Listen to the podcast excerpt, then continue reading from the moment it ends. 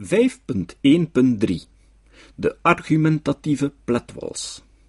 Het grootste probleem met het argument van de weerstand, en dat lot deelt ze met nog andere immunisatiestrategieën, is ironisch genoeg niet zozeer de zwakte van de argumentatie, maar eerder haar al te grote slagkracht. Als het waar is dat wij allemaal marionetten zijn van ons eigen duistere onbewuste, en dat zelfs onze intellectuele argumenten mogelijk slechts het schijnproduct zijn van verborgen weerstand, hoe ver reikt het sluwe vernuft dan waarmee het onbewuste ons misleidt? Staat er een limiet op haar doortraptheid? Kan de onbewuste weerstand tegen de psychoanalyse wekenlange intellectuele arbeid dirigeren en zich vervolgens pakweg vermommen als een eindwerk van 120 pagina's? Indien Freud bepaalde limieten had vastgesteld met betrekking tot het misleidende vernuft van het onbewuste, dan konden de legitieme kritieken op de psychoanalyse zich, zoals Ernest Gellner schrijft, vanaf een bepaald punt beginnen ophopen. Maar dat is bij de psychoanalyse blijkbaar niet het geval. Nergens specifieert Freud de condities waaronder intellectuele argumentaties gewoon zijn wat ze lijken. Met andere woorden, geen vermommingen van onbewuste weerstanden. De immunisatiestrategie van de weerstand die Raymond Tallis de inbuilt survival kit van de psychoanalyse noemde, lijkt op het eerste gezicht een buitenkansje voor de Freudiaan die zich door critici van divers allooi belaagd weet. Het argument volgt namelijk naadloos uit de psychoanalytische theorie en stelt hem in staat om in principe elke kritiek weg te wuiven. Maar zoals we zagen, knelt precies bij die elke het schoentje. De al te grote doeltreffendheid en de grenzeloze toepassingsmogelijkheden van het argument van de weerstand worden ook door menig Freudiaan als onrustwekkend ervaren. Het is alsof ze denken, zal het al bij al niet een beetje verdacht lijken dat ons argument potentieel elk mogelijk ander argument zal kortsluiten? Moeten we toch niet op zijn minst de mogelijkheid tot kritiek kunnen garanderen door op een of andere manier restricties op te leggen aan het argument van de weerstand? Precies de wringende vaststelling dat het argument van de weerstand de mogelijkheden van een argumentatieve pletwals in zich gedraagt, zal psychoanalytici ertoe brengen om haar slagkracht kleiner voor te stellen dan daadwerkelijk het geval is. Wanneer ze geconfronteerd wordt met concrete objecties, zullen psychoanalytici de indruk wekken dat het argument van de weerstand enkel in bepaalde gevallen toevallig die waarvan net sprake van toepassing is, en ze zullen het potentieel van het argument liefst niet groter doen uitschijnen dan in casu noodzakelijk om de objecties van het moment te neutraliseren. Hedendaagse voorbeelden hiervan volgen in 5.1.4. Een psychoanalyticus zou hier ongetwijfeld tegenwerpen. Deze kritiek op Freuds argument van de Vereinigung is totaal achterhaald.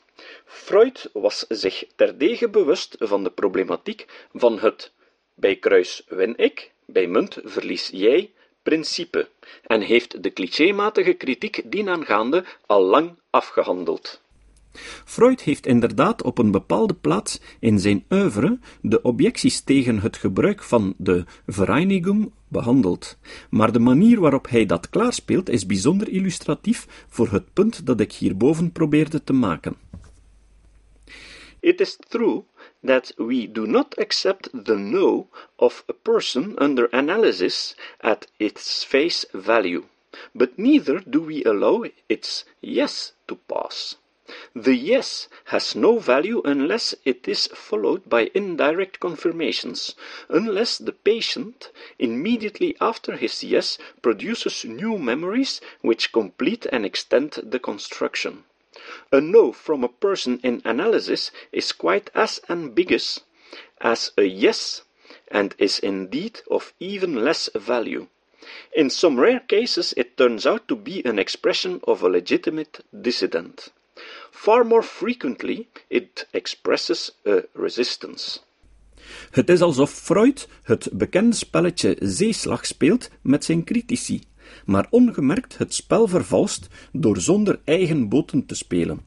Welke coördinaten de tegenspeler, de criticus of de patiënt ook bombardeert, Freud kan altijd plons zeggen, zoals men pleegt te doen wanneer het vijandige projectiel geen schep raakt. En toch blijven de indruk wekken dat er echt wel boten van hem te water zijn. Freud wil ons doen geloven dat zijn argument van de weerstand niet de passepartout is die zijn critici er willen van maken. Zonder twijfel geloofde hij dat ook daadwerkelijk. Maar hij specifieert geen enkele onafhankelijke limiet waaraan het argument zou onderworpen zijn. Hij zegt enkel iets mistigs over sommige zeldzame gevallen, hier en daar een verborgen schip, waarbij het om een legitiem meningsverschil blijkt te gaan. En die gevallen, zo mogen we aannemen, kan Freud zelf wel onderscheiden. Hij laat daarbij uitschijnen dat er bepaalde condities, coördinaten op het spelbord, zijn waaronder het argument van de weerstand ongeoorloofd is, maar aangezien hij niet nader bepaalt welke die condities precies mogen zijn, kan hij het argument in de psychoanalytische praktijk en in de intellectuele discussies toekoer naar believen als een pasklare immunisatiestrategie blijven gebruiken. Van zodra Freud onafhankelijke criteria zou vastleggen voor het gebruik van het argument van de weerstand, zou hij zich blootstellen aan de gevreesde risico's van de empirische weerlegging. Door het bestaan van dergelijke limieten te veinzen en het vermogen om ze te detecteren binnen de psychoanalytische gilde te houden, probeert hij te verdoezelen dat zijn jokerkaart niets meer is dan wat ze is: een simpele jokerkaart. Of in de opgevijzelde versie, die ook in extra-klinische situaties inzetbaar is, een immunisatiestrategie. Die valse indruk heeft Freud nodig, want, zoals ik daarnet al opmerkte, ook de gemiddelde psychoanalyticus voelt aan dat er een luchtje zit aan een argument dat alle andere argumenten kortsluit, om de analogie van daarnet weer op te pikken. Na elke aanval in het zeeslagspel zal Freud verklaren dat de vijandige torpedo zijn doel heeft gemist, maar hij zal daarbij steeds de indruk wekken dat de volgende beurt evengoed een voltreffer kan zijn, en dat er met andere woorden tenminste bepaalde, welomschreven coördinaten kwetsbaar zijn. Net zoals die regels van het spel bepalen dat alleen hij zijn eigen wateren kan overzien, bepaalt de psychoanalytische doctrine dat enkel de analyticus zijn blinddoek kan afnemen en aan de misleidende invloed van het onbewuste weet te ontsnappen.